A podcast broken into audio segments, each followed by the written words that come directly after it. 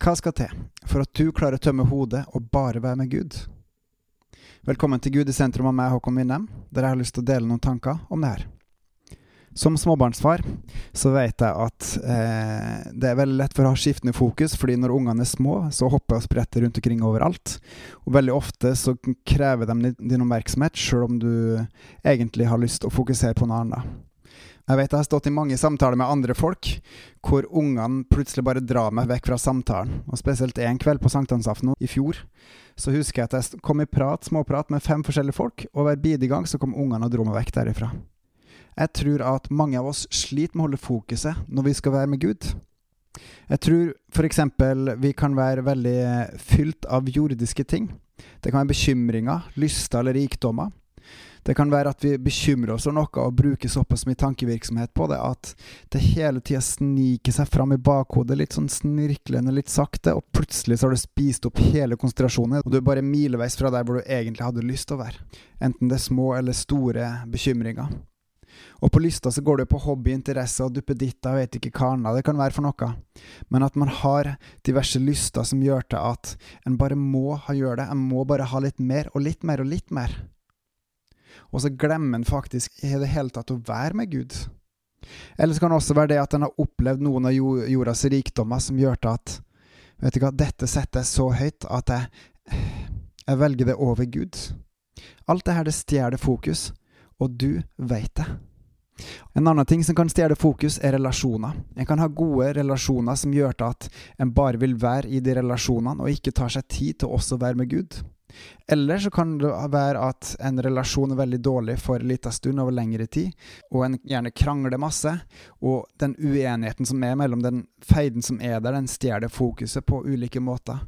Når en da stiger framfor Gud i bønn, så klarer en ikke å fokusere fordi det hele tida slår tilbake, slår tilbake, og en blir sliten, en blir utslitt.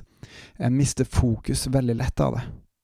Videre så er det også naturlig å være bekymra for ting. Det er helt naturlig å være tiltrukket av noe, ha lyst til å bruke tid med noe.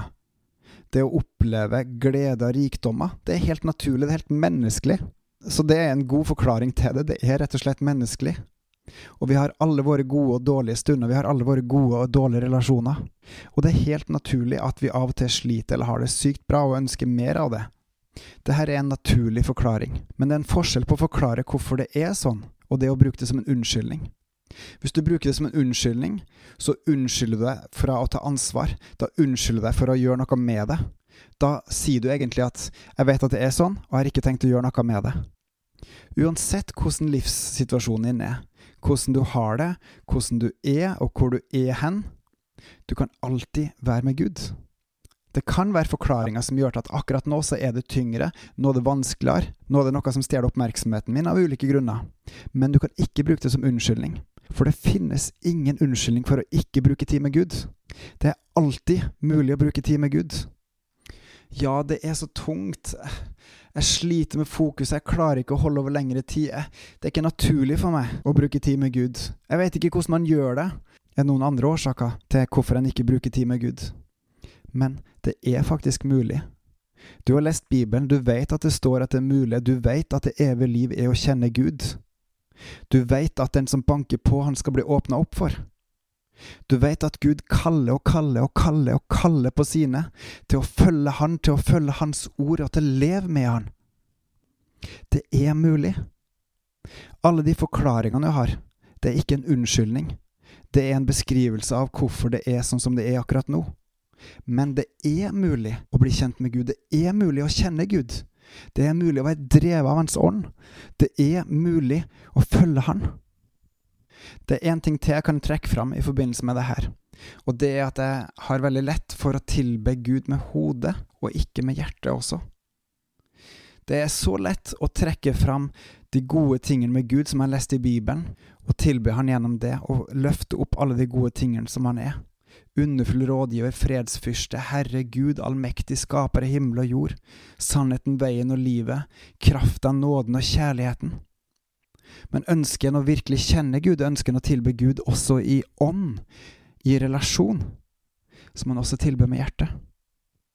Jeg har nå vokst på det, men det er noe med, hvert fall med å stille seg framfor han og rette fokuset på han og fortelle han ut ifra mitt eget hjerte hvem han er, hva jeg setter pris på med han. I løpet av mine siste 15 år så har jeg jobba på ulike måter i ulik grad for å bli bedre kjent med Gud og for å tilbe Han mer, for å elske Han mer.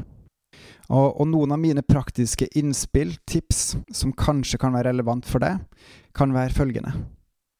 Skaff deg et eget rom der det bare er du og Gud som er til stede.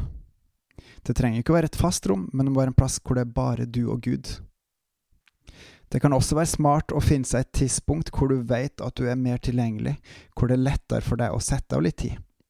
For meg så har det blitt noe på morgenkvisten før hus, resten av huset våkner, og også litt på kvelden. I tillegg så er det også smart å rydde opp før du skal be. Vet du at du har noen tanker i hodet som er forstyrrende? Rydde til sides.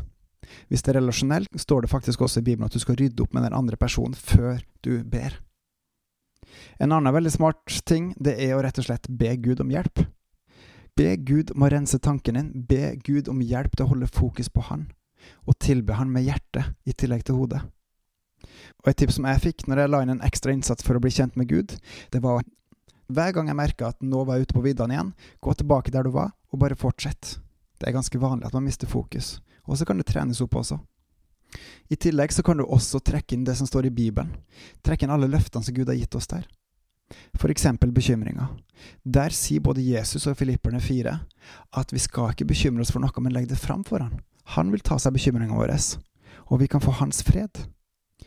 Og så kan det faktisk også være smart å komme sammen med andre folk som kjenner Gud, og som ønsker å tilbe Han. Og så kan dere hjelpe hverandre å drive fram bønnen. Kanskje kan også lovsang være til hjelp. Lovsang der hvor Gud får æren, der Gud blir omtalt som den store, opphøyde kongen av Gud. Det er så enkelt å elske mørket høyere enn lyset. Men vi, vi er kalt til å følge lyset. Vi er kalt til å følge sannheten og komme til lyset. Denne uka her hvor jeg prøvde å fokusere på å tilbe mer med hjertet og ikke bare hodet, så opplever jeg at Gud sier til meg, ønsker du å følge meg, Håkon?